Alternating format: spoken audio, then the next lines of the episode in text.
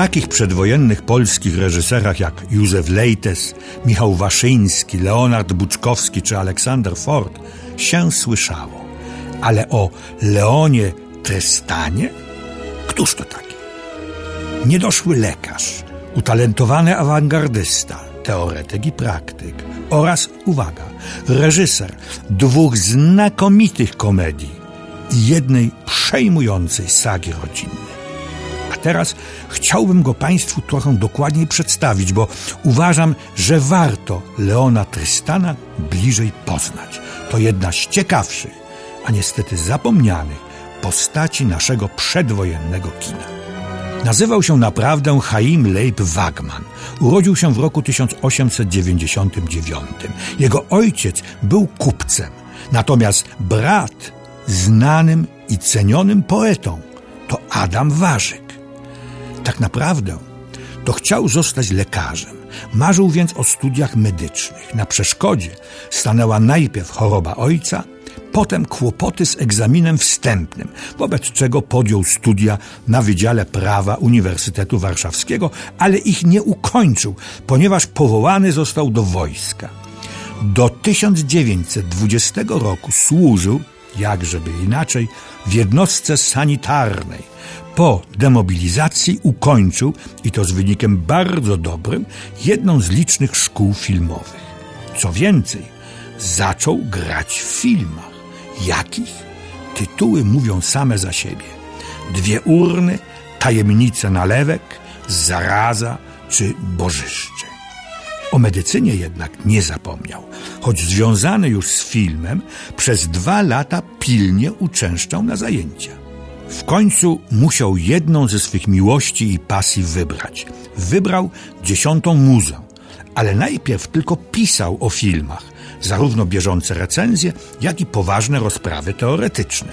Zafascynowany był ówczesną francuską awangardą oraz dziełami dwóch mistrzów amerykańskiego Davida Worka Griffisa i niemieckiego Friedricha Murnau'a. Kiedy stanął wreszcie za kamerą, postanowił swe zainteresowania i fascynacje wcielić w życie. I tak powstały dwa średniometrażowe filmy, które razem stanowiły jeden spektakl kinowy. Ich tytuły podniecały i mroziły krew w żyłach. Brzmiały bowiem Kochanka Szamoty i Bunt Krwi i Żelaza. Utrzymane były w modnym w latach dwudziestych stylu opowieści tajemniczych, krwawych i przerażających. Pierwszy przedstawiał miłość młodego dziennikarza do kobiety, która, jak się okazało, od dwóch lat już nie żyła. Natomiast drugi opowiadał o równie dramatycznej, co powikłanej miłości artysty do żony swego profesora. Warstwa treściowa, fabularna, czyli scenariusze tych filmów mówiąc łagodnie, nie wzbudziły zachwytu krytyków i publiczności.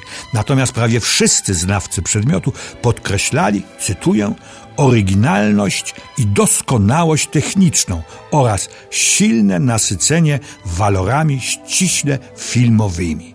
Leon Tristan przykładał bowiem wielką wagę do, jak to wtedy nazywano, fotogenii filmu, rytmicznego ruchu obrazu filmowego, do tak zwanej muzyczności obrazu. Miał też niezwykłe, jak na tamte lata, podejście do aktorów. Pozostawiał im wielką swobodę, pozwalał, wręcz zachęcał i domagał się twórczego stosunku do postaci, tworzenia jej, także improwizując. Ciekawostka. Ten awangardysta, innowator został w 1924 roku laureatem konkursu na pomysł reklamy filmu Bella Donna.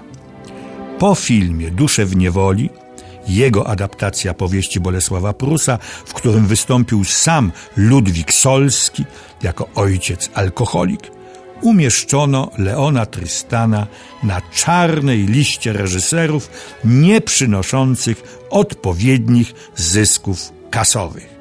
Skazany był na banicję przez długich sześć lat. I nagle, czy też raczej wreszcie, znalazł się ktoś, kto mu zaufał. Inna sprawa, że i podejście Leona Tristana do filmu się zmieniło. Zrozumiał, że bez pójścia na komercjalne ustępstwa żadnego filmu nie zrobi. Pomocną dłoń wyciągnął do niego Eugeniusz Bodo, który, jak wiemy, był nie tylko wziętym aktorem, ale pisał scenariusze, reżyserował i, co w tym przypadku najważniejsze, produkował filmy.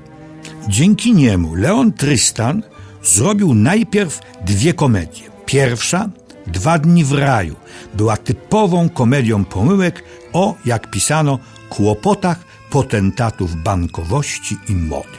Natomiast druga, piętro wyżej, opowiadała o nieporozumieniach i animozjach między spikerem radiowym Henrykiem Pączkiem, zwolennikiem muzyki jazzowej, a Hipolitem Pączkiem, właścicielem kamienicy, w której obaj mieszkają, wielbicielem i wykonawcą poważnej muzyki kameralnej. W obu rolę główną grał sam Eugeniusz Bodo, zaś funkcję łagodzącą, uśmierzającą zapiekłe waśnie pełniła Helena Grosówna, piękna, pełna wdzięku i temperamentu, słowem grzechu warta. Zły los odwrócił się od Leona Tristana. Napisał jeszcze scenariusz do głośnego melodramatu Serce Matki, a sam zrealizował przejmującą sagę rodzinną List do Matki, o której słusznie pisano, że należy ją bezsprzecznie zaliczyć do kategorii najlepszych obrazów żydowskich wyprodukowanych dotychczas w Polsce. Niestety był to ostatni film Leona Tristana. Kiedy wybuchła II wojna światowa, znalazł się najpierw w Lwowie, a następnie w Odessie. Statek, którym się ewakuował, storpedowany został przez Niemców i zatonął. Jeszcze jeden, jakże typowy i tragiczny wojenny los człowieka dawnego polskiego filmu.